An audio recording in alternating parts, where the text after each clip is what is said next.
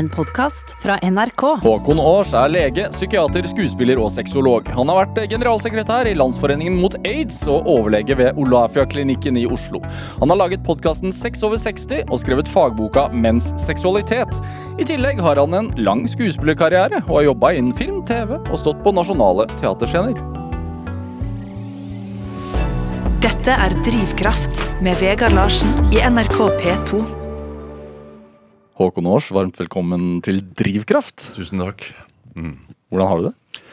Jo, selvfølgelig litt smånervøs akkurat nå, men det, men eh, det gir seg. Du, du, hver gang jeg, altså når jeg sier at du har en lang skuesp skuespillerkarriere, så ser jeg at du liksom får noen sånne rykninger. sånn der, Ja, fordi at eh, jeg er jo ikke medlem av Skuespillerforbundet nå, men jeg var det en gang i tiden. Jeg begynte allerede på Scene syv med Sossen Krog som sjef og Klubbsju. Klubbsju. Og det var litt sånn rart, fordi jeg er jo på en måte født sånn litt pent borgerlig. med, Gikk rundt med blå blazer og grå bukser og pen hvit skjorte. Og så ned på Klubb 7 eh, og gikk ut som ganske aktivert og kanskje ganske radikalisert også. Altså Man skal ikke bruke radikalisert i dag, men det var liksom, Vi har flytta fra høyresiden til venstresiden politisk, ja. ja. Fordi hele miljøet påvirket meg. Kulturmiljøet. ja. Mm. For, for, for, oss som aldri opplevde i Klubb 7, hvorfor har det blitt så uh, myteomspunnet?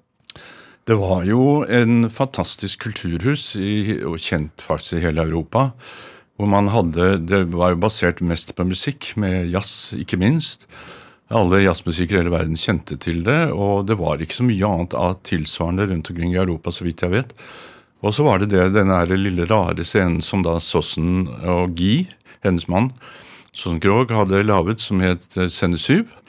Og som han spilte alt mulig av improvisert teater og, og nyoppsatte ting og gamle ting. Og var et fantastisk sted. Og, ja, og der var det sånn at det var forestilling på, på, scenen mellom når det var opphold i, på, inne på musikken. Så det var litt sånn mye improvisasjon, mye rart som skjedde. Når var det du vanka deg? Ja, Dette var de siste syv årene av Klubb 7, så det var vel frem til 87, da, da, da det ble noe gærent med økonomien og, og, Oslo kommune ikke hadde råd til å drive det lenger. og det, Så ble det stengt, og det var veldig veldig, veldig synd. Hva, hva, hvorfor hadde det en tiltrekning på det, tror du? På meg? Ja. Nei, jeg ville alltid bli skuespiller. Det var liksom det som jeg var Det var jeg helt sikker på at det var det jeg ville bli, men faren min uh, syntes at det var en veldig dårlig idé. Uh, så han uh, ville at jeg skulle bli noe ordentlig. Så men jeg, det var på skolen og på altså hele oppveksten så var jeg opptatt av å, å, å spille teater eller ja, gjøre sånne ting. Og tenkte at det var det jeg ville. Men, så da fikk jeg såpass dårlig artium da, at jeg hadde valg mellom å studere filologi og juss. Og så begynte jeg med juss, som jeg syntes var døggende kjedelig. Eh, altså det å bli altså ferdig jobb, sikkert kjempespennende, men selve studiet var kjedelig. Så satt jeg mellom eh, to veldig, etter, etter hvert veldig kjente personer. Det var, eh, eh, det var blant, altså Janken Varden, som da var en av dem, som var, etter hvert ble sjef på Teaterhøgskolen. Og eh, han spilte Han var så lite på, på, på lesesalen. Og så spurte jeg han hvor er du nå, liksom, du er jo aldri her. Og så sa han nei, jeg, jeg er mest opptatt av teatret. Og så han eh, jobbet med en dame som het Nicole Massé, som drev noe som heter Studentteatret oppe på Blindern. Ja. Og så um, kom han en dag og sa Håkon, nå er det en som er blitt sjuk, som ikke kan bli med. Kunne tenke deg å steppe inn. Så begynte du med det, da. Og så spilte vi en uh, gresk ja, hva skal jeg si, tragedie som fikk kjemperespons. Og så ble det veldig bra. Men så kom mine foreldre plutselig Jeg var faktisk på Norsk Teater, og så skulle vi ha For det ble da kjøpt opp av Norsk Teater, den forestillingen. Og så sitter eh, plutselig mine foreldre på en av de første benkene. og de visste ikke at jeg hadde holdt på med det. De trodde jeg satt trygt og godt og leste juss. Oh, ja, de visste ikke at jeg skulle nei, stå på scenen. Nei, nei, Så det ble et lite oppgjør, og som endte med at jeg nærmest tenkte nå drar jeg bare til utlandet. Så hva skal jeg gjøre da? Jo, jeg har lyst til å studere medisin. Så dro jeg, kom jeg inn i Dublin, og så begynte jeg der. Det artiumet kunne ikke være så dårlig. Først, først kom du på juss, og så kunne du begynne å studere medisin. Ja. koketterer. Det må, det må ha vært et bra avskjum.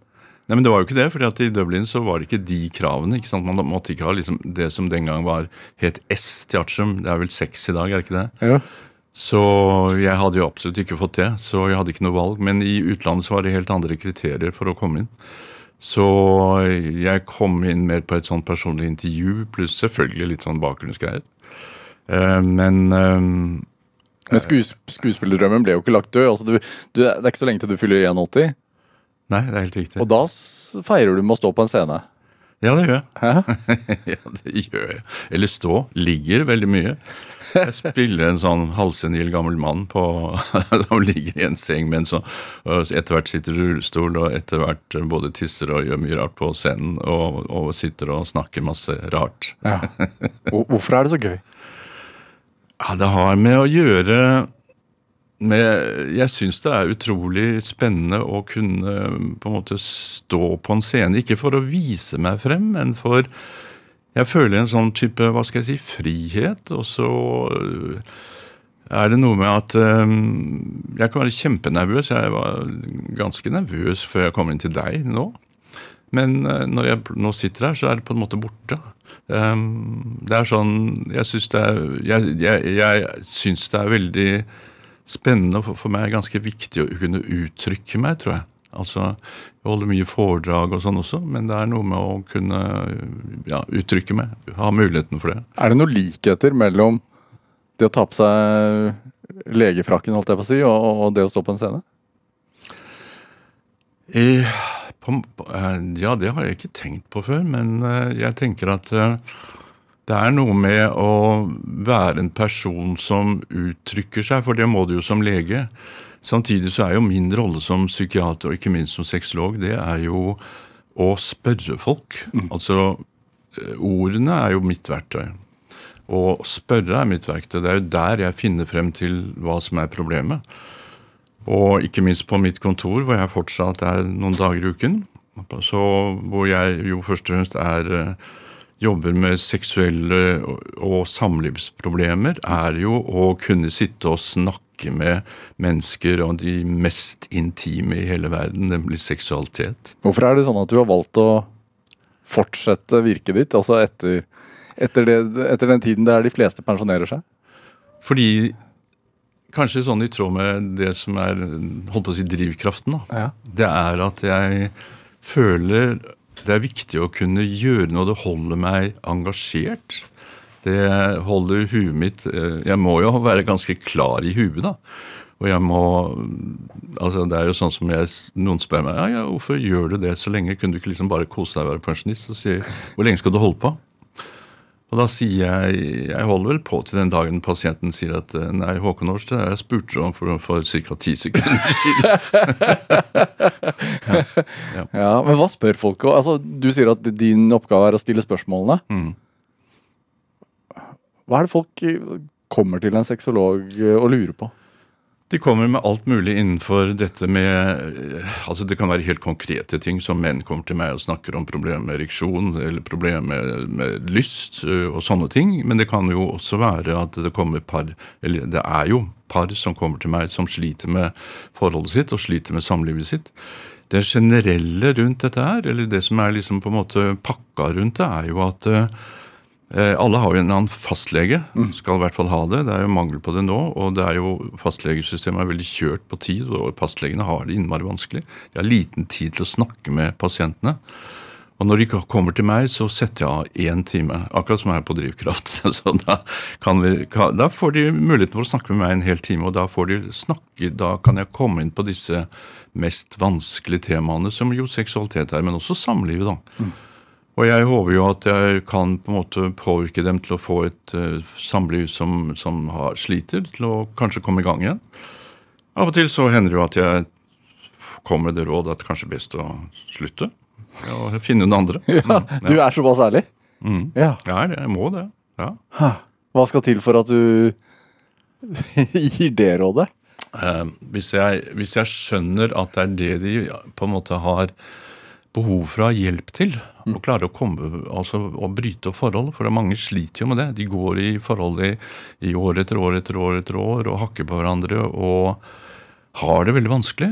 Og hvis jeg skjønner at det egentlig så har de lyst til å bruke det, men de syns det er så vanskelig forhold til barn, barnebarn, eh, whatever, eller selv yngre mennesker, så kan jeg være med og lytte til begge to, og så være den profesjonelle tredjeparten som, som de kan få råd fra. Og så er det jo opp til de to å finne ut hva de vil. Ja. Det er ikke sånn at jeg sier ja ja, da får dere bare gå fra hverandre. Jeg sier jo ikke det.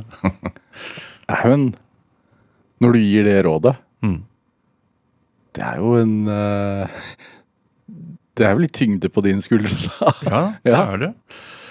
Men eh, det, er jo, det, er jo ikke det rådet jeg vanligvis gir. Da. Det, det rådet jeg vanligvis gir, er jo på en måte å prøve å, å få det til å gå. Og ofte, det er nesten, altså nesten alltid så er det jo at folk kommer fordi de har lyst til å få hjelp til å, få, til å løse problemer i forholdet og komme videre. Og da tenker jeg at eh, ja, nå blir jeg 81 om en uke, som du sa, og eh, det er jo lenge å holde på, men jeg tenker at noe av min drivkraft, for å si det sånn, til å gjøre dette, er jo fordi jeg føler at jeg har gjort dette gjennom mange år. Kanskje jeg, kanskje jeg er en klok gammel mann, jeg vet ikke. ja. Dette er Drivkraft med Vegard Larsen i NRK P2.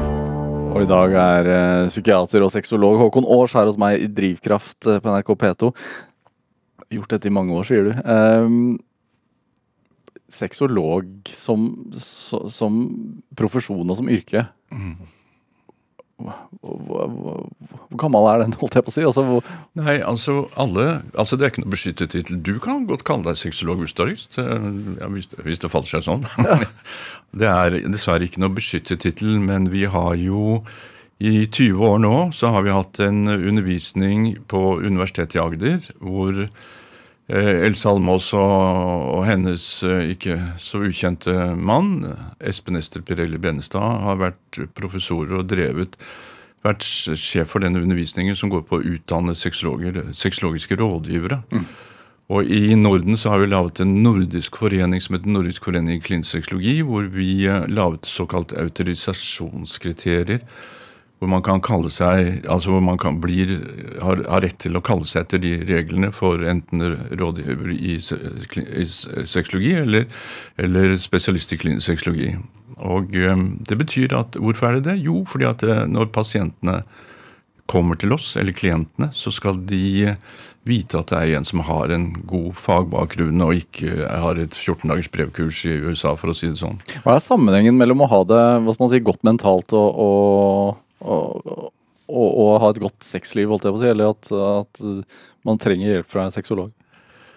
Altså, For det første så tenker jeg, eller, eller litt sånn har jeg lyst til å sparke til eh, profesjonsutdanningene, fordi at det, det er jo faktisk slik at på universitetene, altså medisinske utdanninger for leger, utdanning for sykepleiere, utdanning for helsearbeidere, har ikke seksuell helse som et obligatorisk fag.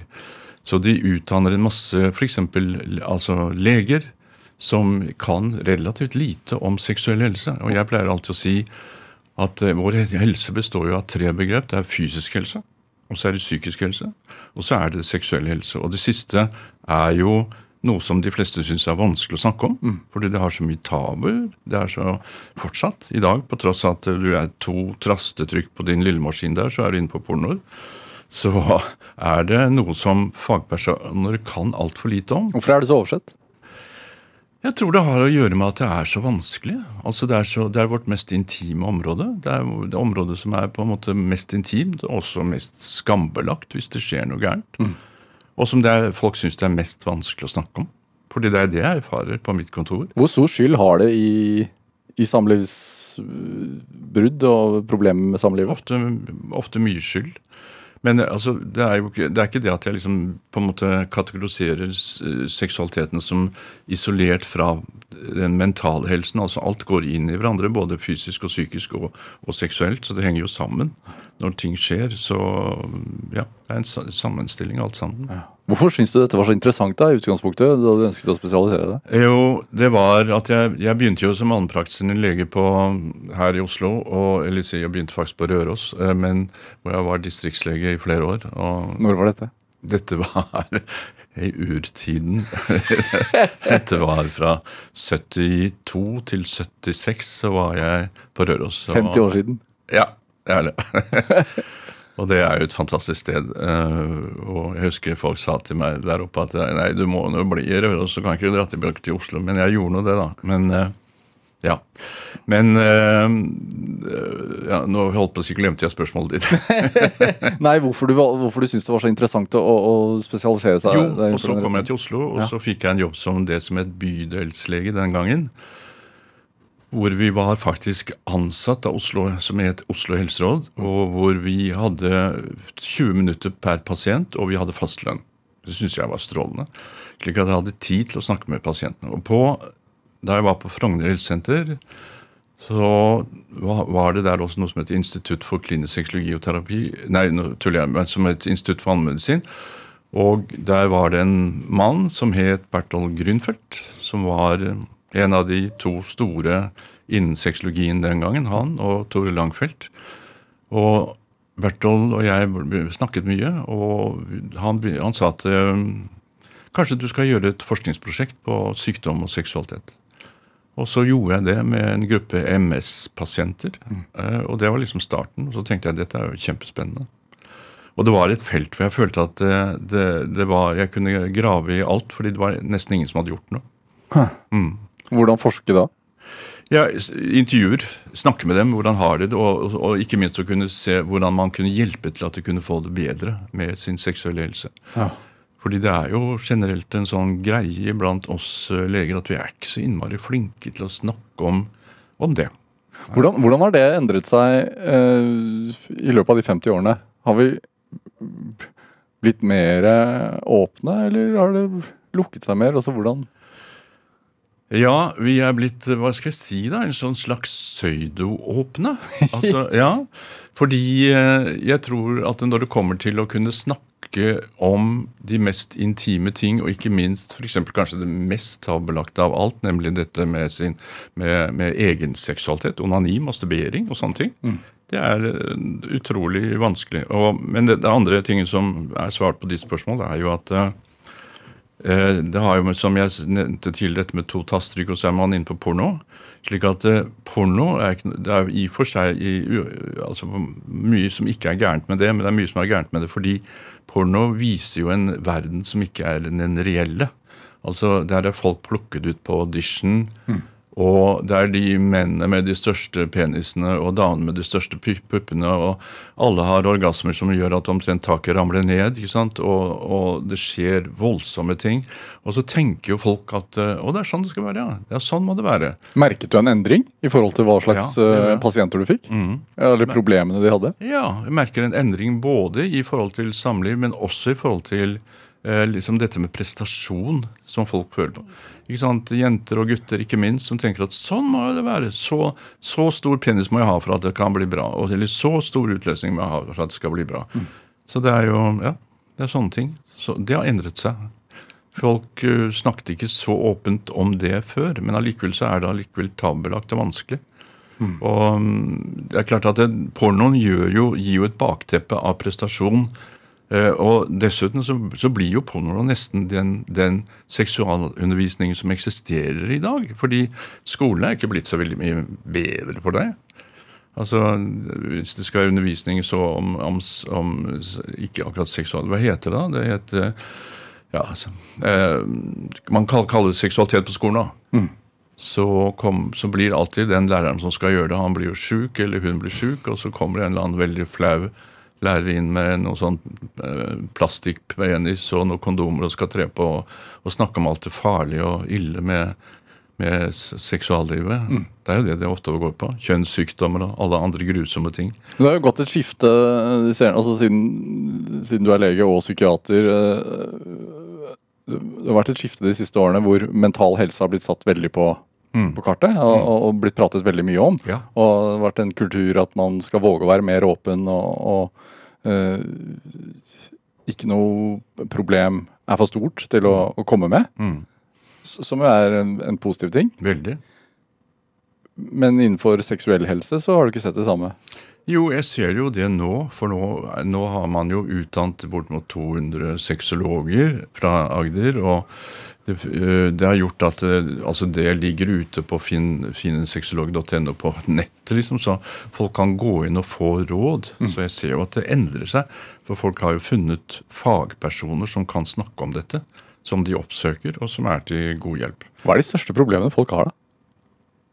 Tenker du seksuelle problemer? Ja, Som det kommer til deg med? Menn kommer gjerne til meg og snakker om at de sliter med ereksjon. Ja, Som, som du var innom. Ja. Og så løper de på apoteket for å få Viagra, for det er blitt frigitt. Men eh, som jeg snakket med en apoteker som sa at eh, herregud, dette er jo helt umulig. fordi det er veldig mange unge menn som kommer dit og bare kjøper, og så skal de bli spurt om de har en kronisk sykdom, de skal bli spurt at de har et skjema som de skal bli spurt om. Men det, det, det aller viktigste å spørre om er har du lyst? Har du seksuell lyst? Men det blir jo litt vanskelig. For ellers, fordi har man ikke det, så virker ikke Viagra nemlig. Eller de andre pillene. Men da sa hun apotekeren at jeg kan ikke stå der i apoteket og rope ut Du, Hansen, har du lyst? Fullt av folk rundt på apoteket. Det blir litt sånn pinlig. Ja. Men, så- så fastlegene burde ta, ta mer tak og snakke mer om det? Ja, det burde, burde de absolutt. Men jeg skjønner jo samtidig også at det er vanskelig fordi tiden er så knapp. Ja. Så dette er et stor greie som jeg tenker at man er nødt til i Norge å gjøre noe med. Altså dette med Legeforeningen må jo jobbe veldig med dette med å gi bedre plass for fastlegene. Ja. Bedre muligheter. Så det er en stor greie. Men er det et større helseproblem enn vi tenker at det er? Ja, det er det. Altså jeg ser at det er det. Fordi det er fortsatt dette, Jeg snakket jo om dette med porno, som gir en veldig sånn stor prestasjonsgreie hos folk. At å, det må være sånn, det må være sånn. Uh, og så er det ikke noe særlig kunnskap om det blant um, altså Altfor lite, da, blant en del av mine kolleger. Og så kommer de til meg og snakker om det. ja, Eller til andre. Ja. Men jeg er jo i den situasjonen at det er, eh, jeg er jo faktisk den eneste praktiserende psykiater i dag som også er sexolog. og Det er bare meg. Så derfor holder jeg på til jeg er høngammal. Hva, hva er fordelen med å ha, ha begge deler i bagasjen? Fordelen som jeg eh, føler, uten at det skal bli selskutt, er vel at eh, jeg tenker å kunne være vant til å snakke om vanskelige ting som psykisk helse er, som psykiater, og så i tillegg til å kunne snakke om det mest intime og mest tabulagt som, som seksualiteten. Ja, For det henger ofte sammen. Ja, gjør det. Du har drevet Folkeopplysning. da. Du lagde en podkast med et 6 over 60. Ja. Eh, var det en del av det prosjektet? For, for, for folkehelsens skyld? Ja, altså syns det. Jeg har jo disse programmene så, med Hege Holm på, på P1 pluss for de godt voksne, er jo denne kanalen. Og Hege og jeg har holdt på med dette her i noen år nå. Og eh, vi, ja, vi driver, Hege og jeg driver folkeopplysning. Ja. Ja. Hva gir det deg? Det gir meg en veldig glede i å kunne på en måte rekke mange, eh, komme ut med informasjon, eh, skape debatt og skape åpenhet rundt dette med samliv og seksualitet. Ja. Det gir meg en stor glede. Må, tok det mange år før du var åpen rundt seksualitet? Ja, det, det, det er helt sant. Det, det gjorde det. Eh, Jeg eh, gjorde jo det liksom, holdt på å si, alt det der litt tradisjonelle. Hadde, traff jenter og hadde sex med jenter og syntes at ja, jo, dette er ålreit. Og jeg ble også gift med en dame. Men det var derfor jeg snakket om det. Røros. var... Røros var på en måte sånt, eh, det var et rart sted å komme ut av skapet, men det var det jeg gjorde. Eh, Jeg kom på sykehuset og skulle bli introdusert hadde først et halvt år på sykehuset, og så etter en par dager så kom hun som, var, som het oversøster, så kalte hun seg da, kom til meg og spurte hvorfor kom du til Røros, liksom. Og så sa jeg ja, gå på tur og glad i å gå på ski og, og glad i fjell og naturen og alt dette her, for det, var, det, det er jeg. Og så sa hun å ja, men da må du treffe sånn og sånn, og han er gymnastikklærer på skolen. Dere har sikkert masse felles interesser, sa hun. Og det fikk vi. Er det Hvor gammel var du da? Da var jeg 30. Mm. Hvis du Hvis du hadde ventet 30 år til, Ja, noen gjør jo det. Ja. Jeg, jeg, jeg er veldig glad at jeg ikke gjorde det. hvordan påvirker det eh, helsen? Min helse. Nei, altså sånn hvis man, hvis man ikke er oh, ja, tro mot egen Nettopp. Ja. Det gjør jo at veldig mange lever inn i disse for å si det sånn, disse skapene sine, da, hvor de, hvor de egentlig kanskje har lyst på en eh, altså at, at menn eller kvinner tenner på en av samme kjønn, men det er såpass tabelagt fortsatt i Norge. På tross av altså mitt store forbilde Kim Friele, som har jobbet intenst mot alle tabuer og alle eh, ting, og var en fabelaktig dame. Jeg kjente henne ganske godt. Eller jeg kjente henne godt. Eh, så er det jo noe med at fortsatt så er det jo tabulagt og vanskelig, på tross av at det nå i, i år er 50 år siden denne paragraf 213 i straffeloven ble opphevet. Og vår kjære statsminister, som, jeg, som hadde et møte hvor jeg selv var på, hvor han ba om unnskyldning for det som da regjeringen og Norge har gjort i forhold til de som er glad i en av samme kjønn, for å si det sånn. Um, ja, Nå har jeg snakket så mye, og nå glemte jeg igjen hva du spurte om. Nei, du spurte vel egentlig bare om hvordan det ville påvirke, altså påvirker den, siden vi, vi har snakket om det med seksuell helse kontra det og, og mental helse, da. Mm. Eh, hvis man ikke er da tro eh, mot seg selv, Ja, egentlig. det, er- at det er klart at det gjør noe med deg som menneske når du lever i et forhold med, med et menneske som du er glad i, og som du, du har valgt fordi du har lyst til å være sammen med det mennesket, men allikevel så er det noe som mangler. Uh, og det blir gærent for deg, og det blir gærent for ikke minst den som du er sammen med. Det var det jeg opplevde i forhold til min veldig skjønne, veldig flotte kone som eh, jeg tenkte at jeg gjorde noe gærent mot, og at jeg måtte fortelle hvordan dette var. Ja. Hvordan bevare seksuell tiltrekning, da? ja, det er et stort spørsmål. altså Vi har jo, overfor- har jo, en, har jo en, har en ekspert i studio, så det Ja, altså hvordan bevare seksuell tiltrekning generelt, er det du spør om? Ja. Mm. Jeg tenker Jeg tenker Jeg har ofte sagt det, ikke minst i forhold til oss menn, da, at vi har en jobb å gjøre. Jeg har jobbet mye med menn, og jeg har jobbet mye med menn at de skal bli litt mer bevisst sitt eget utseende. Ikke det at de skal liksom pynte seg og sånn, det er ikke det jeg mener, men de men liksom uh, ta litt vare på seg for å være attraktiv for sin partner, enten det er en eh, av samme kjønn eller motsatt kjønn. Uh, ta vare på kroppen sin. Ta, liksom Sørge for at man holder seg oppegående, og at man viser oppmerksomhet og engasjement, og, og viser at man er glad i overfor den som man er sammen med. Ja. Og vi menn er ofte Jeg syns nok vi menn er ofte dårligere på det enn kvinner. Kvinner er jo vant til å altså Jenter ble jo opplært til at det var greit at du kunne grine, og du kunne ha venninner, og du kunne holde rundt hverandre, og man klemmer hverandre. Men vi gutta vi er liksom vi er opplært, i hvert fall av min generasjon, at vi skulle bli store og sterke og spise grøten vår og være flink på skolen. Og, og liksom klare alt. Og vi skulle i hvert fall ikke grine, og vi skulle i hvert fall ikke eh, klemme andre hvis vi var lei oss. I hvert fall ikke andre gutter. Vi kunne klemme jenter, men ikke andre gutter. Fordi da var det noe gærent. ikke sant? Jeg, for mange, mange mange år siden så kjente jeg veldig godt en som var landslagsspiller på fotball. Og han sa Håkon, når jeg har skåra et mål, så må jeg ikke klemme de andre gutta mer enn 0,4 sekunder, for da tror de at jeg er homo. Altså, han sa det. ja. Så vi har jo vanskelig for å Altså, Vi er lært opp til at vi ikke kan på en måte vise følelser. De, jenter er mye flinkere på det, og jeg syns at fortsatt kvinner er mye flinkere på å tenke helhetlige følelser og tenke Ja, og det er ofte det som er tema når jeg snakker med, med heterofile par. Så snakker jeg om dette her med at eh, til mannen at eh, lær litt av eh, kvinnene, lær litt av dette at seksualiteten er ikke bare denne penetrasjonen. Det er ikke bare dette her å, å, å, å tre inn og få en utløsning. Det handler faktisk om, om hele huden. Om, om kontakten og nærheten. Og kvinner, jenter, er mye flinkere til å snakke om det og, og, og gjøre det. Hva du til- så syns jeg pornoen har liksom ødelagt det litt. Hva sier du til damene, da? Jeg sier til damene at uh, prøv å få, få partneren din, øh, mannen din, til å snakke mer om hvordan han har det. Sett dere ned, snakk. Sett dere ned i sofaen, drikk et glass rødvin og prat sammen. Ja. Håkon Års, vi skal spille litt musikk. Mm. Uh, du har med en låt som har vel litt med din skuespillerhobby å gjøre? Ok. Har det ikke det, da? Jo da, det har det. det jeg har bare lyst til å si det, fordi jeg har lyst til å bare liksom si noe veldig pent om de som, jeg, som har satt i gang det teaterstykket jeg er i akkurat nå, som heter Tore Goksør og Camilla Martens. Som uh, jeg har fulgt i 10-11 år nå, og som har satt opp mange forestillinger.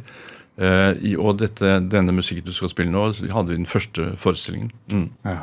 Og hvordan var det for deg å høre den? Veldig rørende og veldig fint.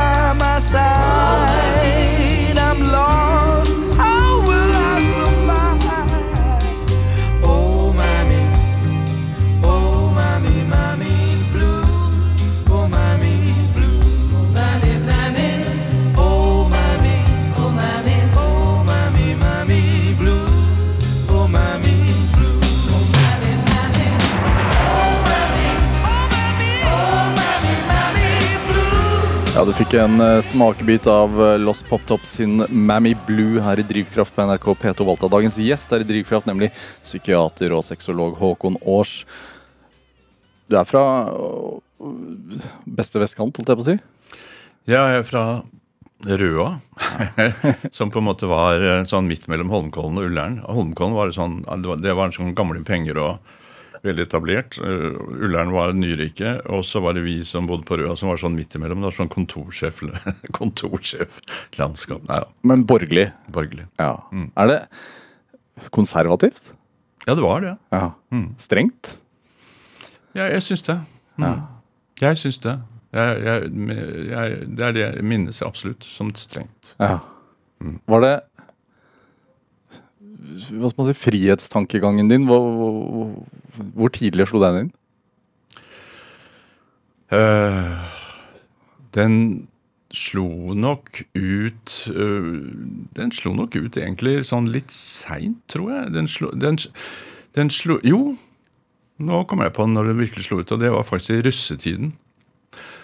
Fordi jeg, eh, jeg gikk på Faber skole, og der traff jeg en eh, jente som eh, jeg ble veldig forelsket i. Og som vi hadde det utrolig hyggelig sammen i russetiden. Og vi ble ganske gærne. Jeg tror at vi to var de russene som hadde mest knuter i lua. For vi gikk på så mye nachspiel. Jeg ble nesten helt ødelagt. Jeg fikk en dårlig artium, som sagt. Men hadde det veldig gøy. Så det ble en sånn Jo, det ble en virkelig sånn eksplosjon av drivkraft, av energi og Ja. Mm. Hva, hva lærte du av å reise til Dublin? Da jeg reiste til Dublin Ja. Jeg lærte at uh, verden er helt annerledes enn det jeg trodde. Og det har å gjøre med at uh, i Dublin, som var da hovedstaden i Irland Den gangen var Irland et veldig fattig land. Et land med store klasseforskjeller.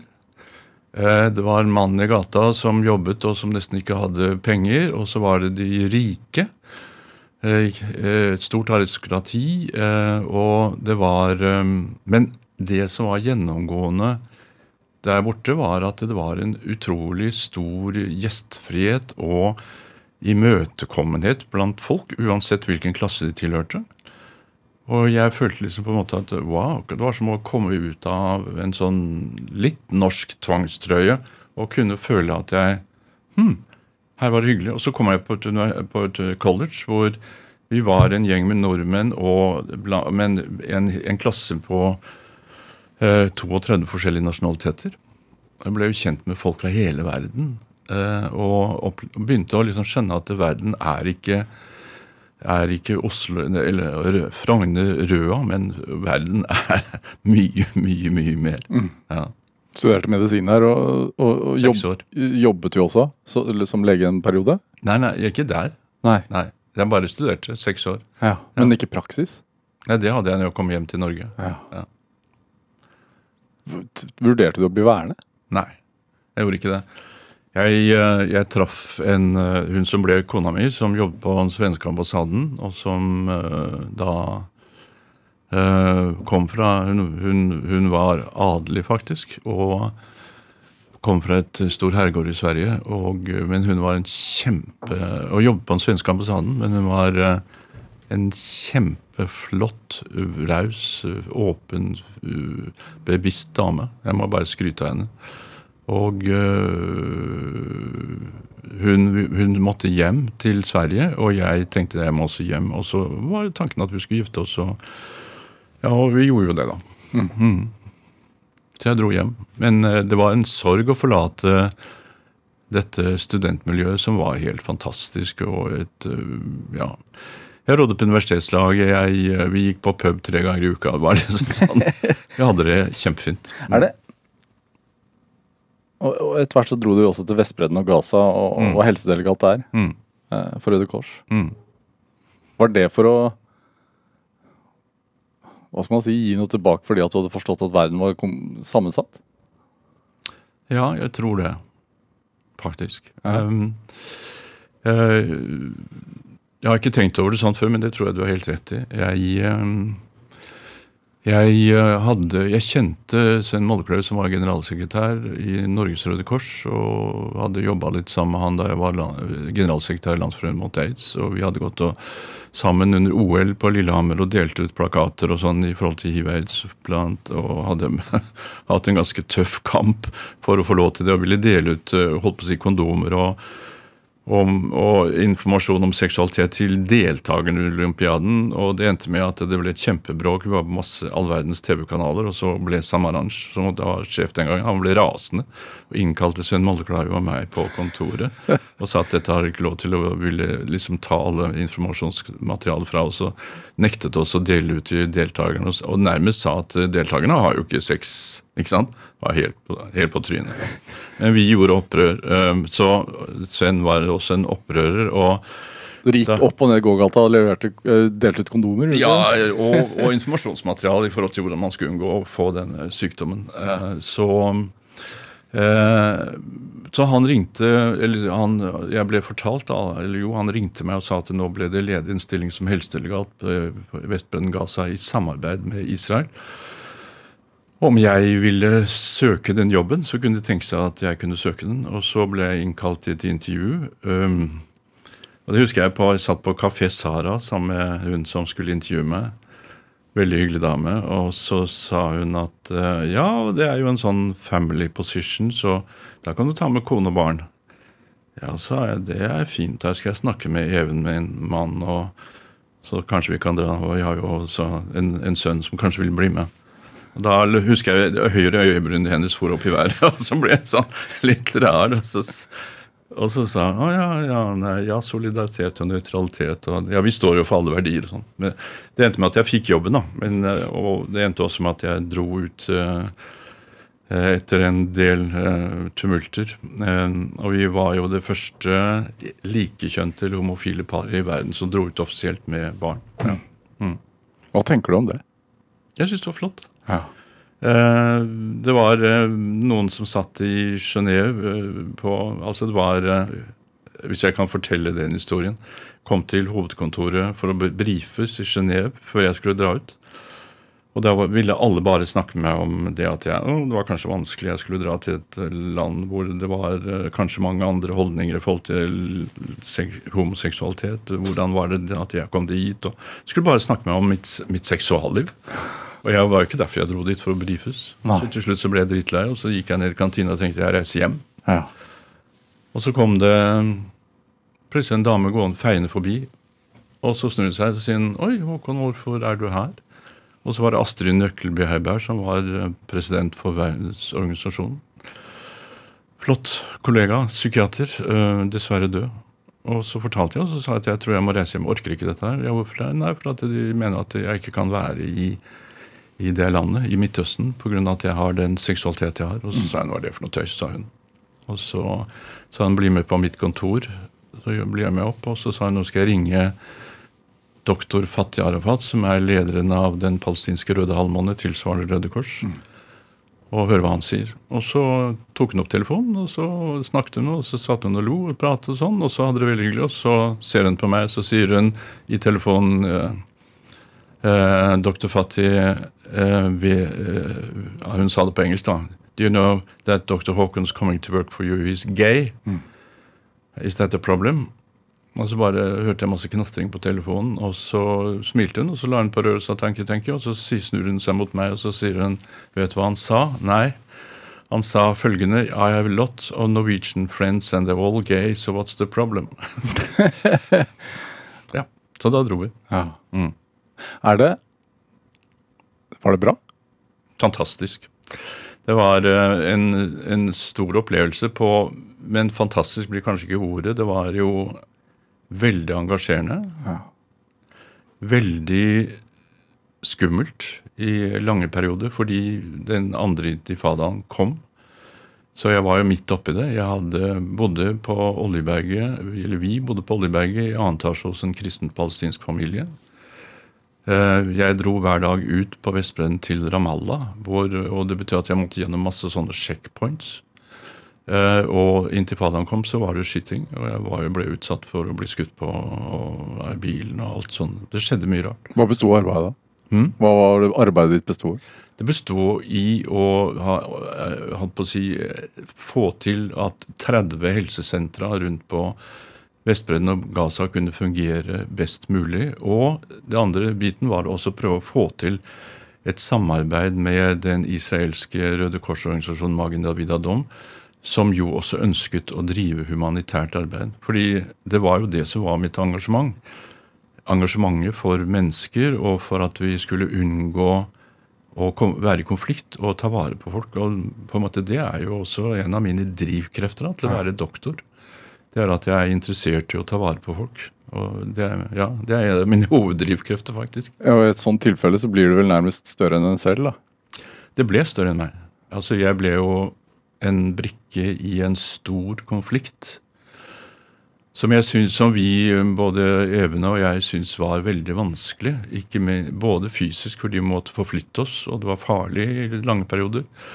Uh, men vi ble jo veldig engasjert i, i de menneskelige situasjonene som oppsto i en sånn konfliktsituasjon. Jeg, det er jo noe av det som på en måte engasjerer meg veldig nå i forhold til Ukraina og Russland. Det blir jo altså enda, enda mye verre. Men dette med konflikt mellom mennesker på grunnlag av helt sånn idiotiske ting, egentlig. Mm.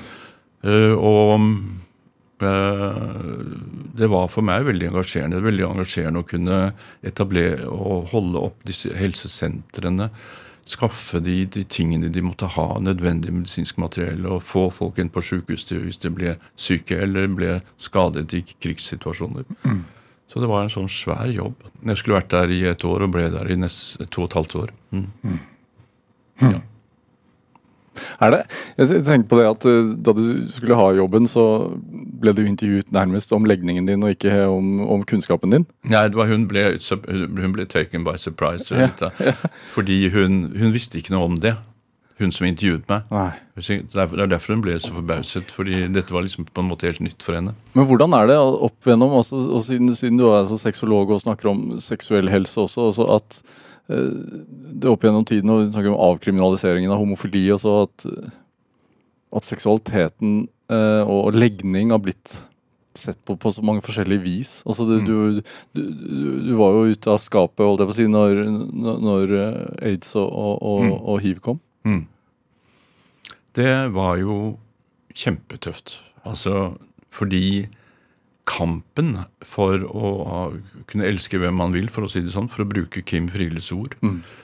Eh, kampen, friheten til det, den hadde jo pågått lenge, og den var jo, og hun var jo virkelig en av forkjemperne for det. Men det var jo kampen for å ikke føle skam, ikke for å føle seg at man var noe mindreverdig som individ, selv om man er glad i en av samme kjønn. Og det er jo alt det tabuen som har ligget rundt det. Alt den den kampen for homofile og lesbiskes og bifiles seksuelle rettigheter hadde pågått veldig lenge. Og så plutselig så kommer det en, syk, altså en sykdom, en dødelig sykdom, som jo aids, eh, hiv utviklet seg til å bli som aids, og som gjorde at folk rundt meg, som jeg ble kjent med, mm. som også hadde samme seksuelle orientering, de ble sjuke. Og de døde. Mm. Jeg var jo i 20, i hvert fall 20 begravelser. Jeg husker moren min sa at Håkon, det er helt merkelig. Det er jeg som er en gammel dame som skal gå i begravelse, ikke du som er ung. Mm. Og det var jo kjempetøft. Og det gjorde jo at det hele At igjen så ble liksom vår seksualitet tabuisert. Igjen ble vi sett på som farlig, som smittefarlig, som nesten dødelig. ikke sant? Og seksualiteten din ble sett på som noe slags eh, noe ekkelt, noe forferdelig som kunne skape sykdom.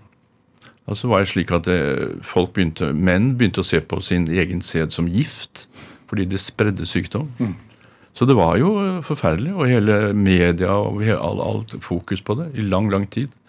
Men gudskjelov så har det jo man kommet gjennom det, og man har fått medisiner som hjelper på dette, og folk kan leve nå med øh, friske. Mm. Hva var det som gjorde at du valgte å, å, å engasjere deg? da? Altså Du ble jo generalsekretær i Landsforeningen mot aids f.eks. Altså, ja. Bedre informasjonsarbeidet, bedre mm. opplysningene rundt dette. Ja, fordi jeg, for, for, meg ble det et engasjement og en, holdt på å si, en drivkraft igjen til å kunne gjøre noe. Jeg ble spurt om å Fordi jeg hadde en god kollega som hadde vært uh, generalsekretær før, og så var det en prest som uh, var styreleder, Liv Rosme Fisknes. og som spurte om jeg kunne tenke meg å ta den jobben. Og eh, da var det, det var en paraplyorganisasjon hvor man sørget for at alle de store organisasjonene, Folkehelsa, Røde Kors, alle disse her store norske organisasjonene, hadde hiv-aids på dagsorden. I forhold til holdningsarbeid og i forhold til opplysning om seksualitet.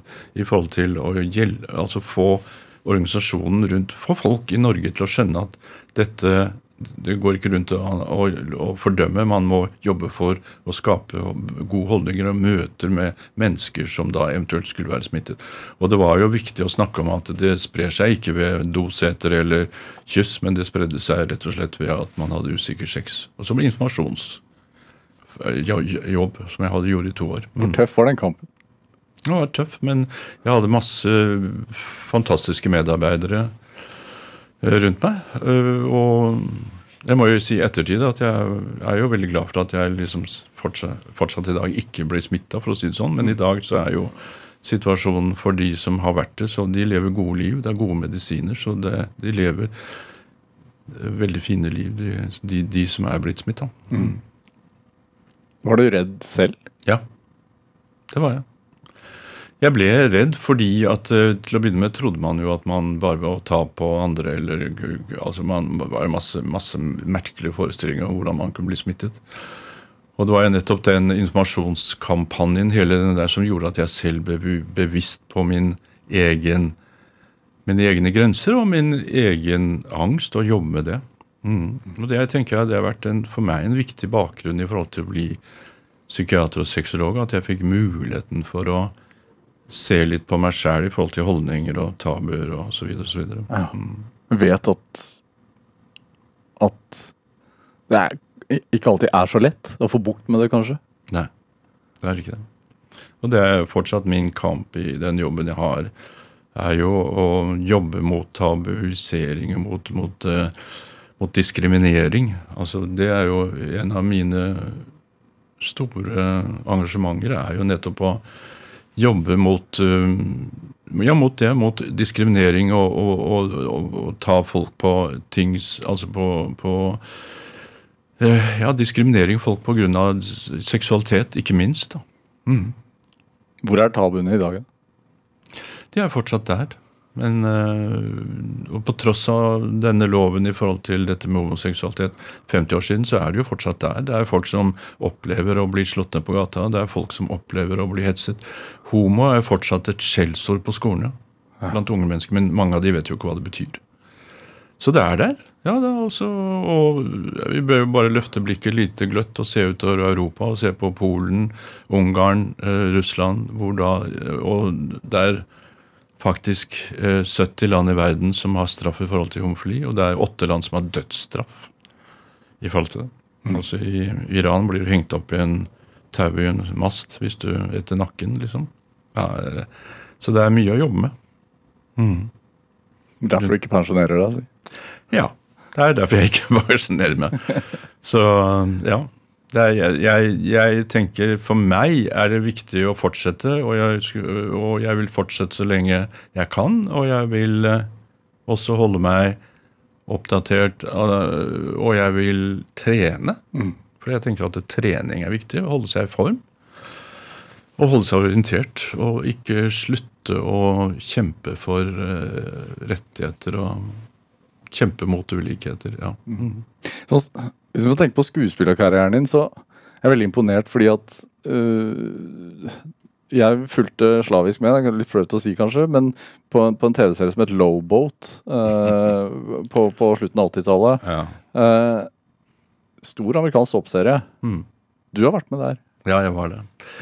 Det var det, det var et, jeg skulle være skipslege, og så skulle jeg også på en måte være litt sånn med å spille. Eh, Det var eh, Ja, jeg fikk faktisk en telefon fra Hollywood og spurte om jeg ville Fordi han som var, spilte skipslegen, var blitt sjuk.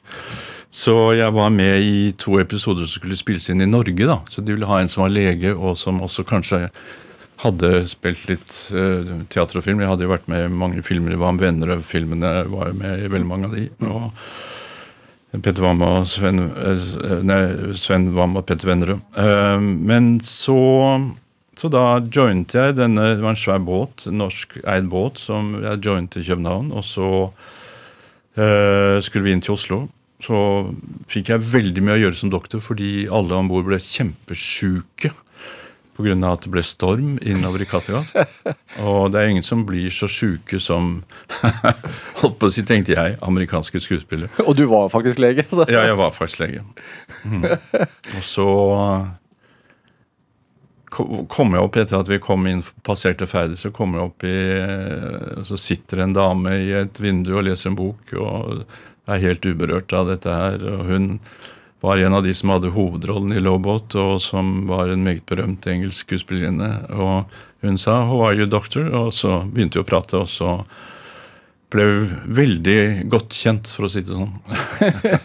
Eh, Håkon Aars, du har hatt en mangefasettert karriere og, og gjort mye rart. Men når, når var du lykkeligst, tenker du? Når var jeg? Lykkeligst? Eh, når jeg var lykkeligst? Jo, jeg tror at jeg var lyk... I hvert fall et av mine lykkeøyeblikk var da jeg i Oslo tinghus ble viet av min svigerinne med han som er min mann, for 25 år siden. Som også var en milepæl. Ja, det var det.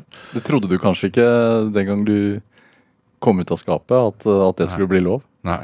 nei jeg hadde jo en lang kamp med meg selv om mange ting før jeg kom så langt. Men uh, i dag så er jeg veldig lykkelig for det, og har aldri opplevd verken diskriminering eller hetsing eller fysisk vold mot meg selv. Kanskje fordi jeg er åpen på det. Ja. Og Even, min mann, er det, og vi har to barn. Og vi har også et lite barnebarn faktisk, som kaller meg bestefar. Det, og det er også et ja, lykke.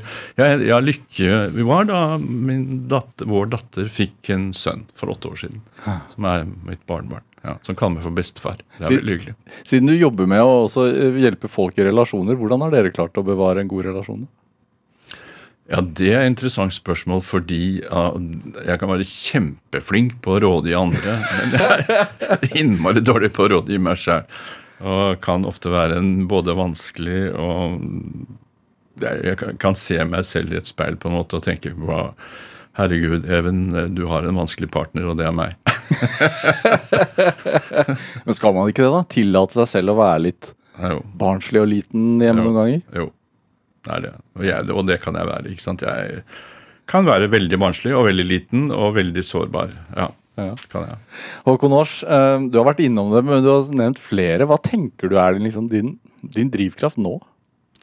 Jeg tenker at Min drivkraft er eh, kanskje dumt å bruke et ord som engasjement, men jeg, min drivkraft er dette å kunne holde på og holde meg selv aktiv og være engasjert i det som skjer, både med enkeltmenneske og forhold, men også i den store verden i forhold til at folk kan leve sammen og være, være Ja, mm, det er det.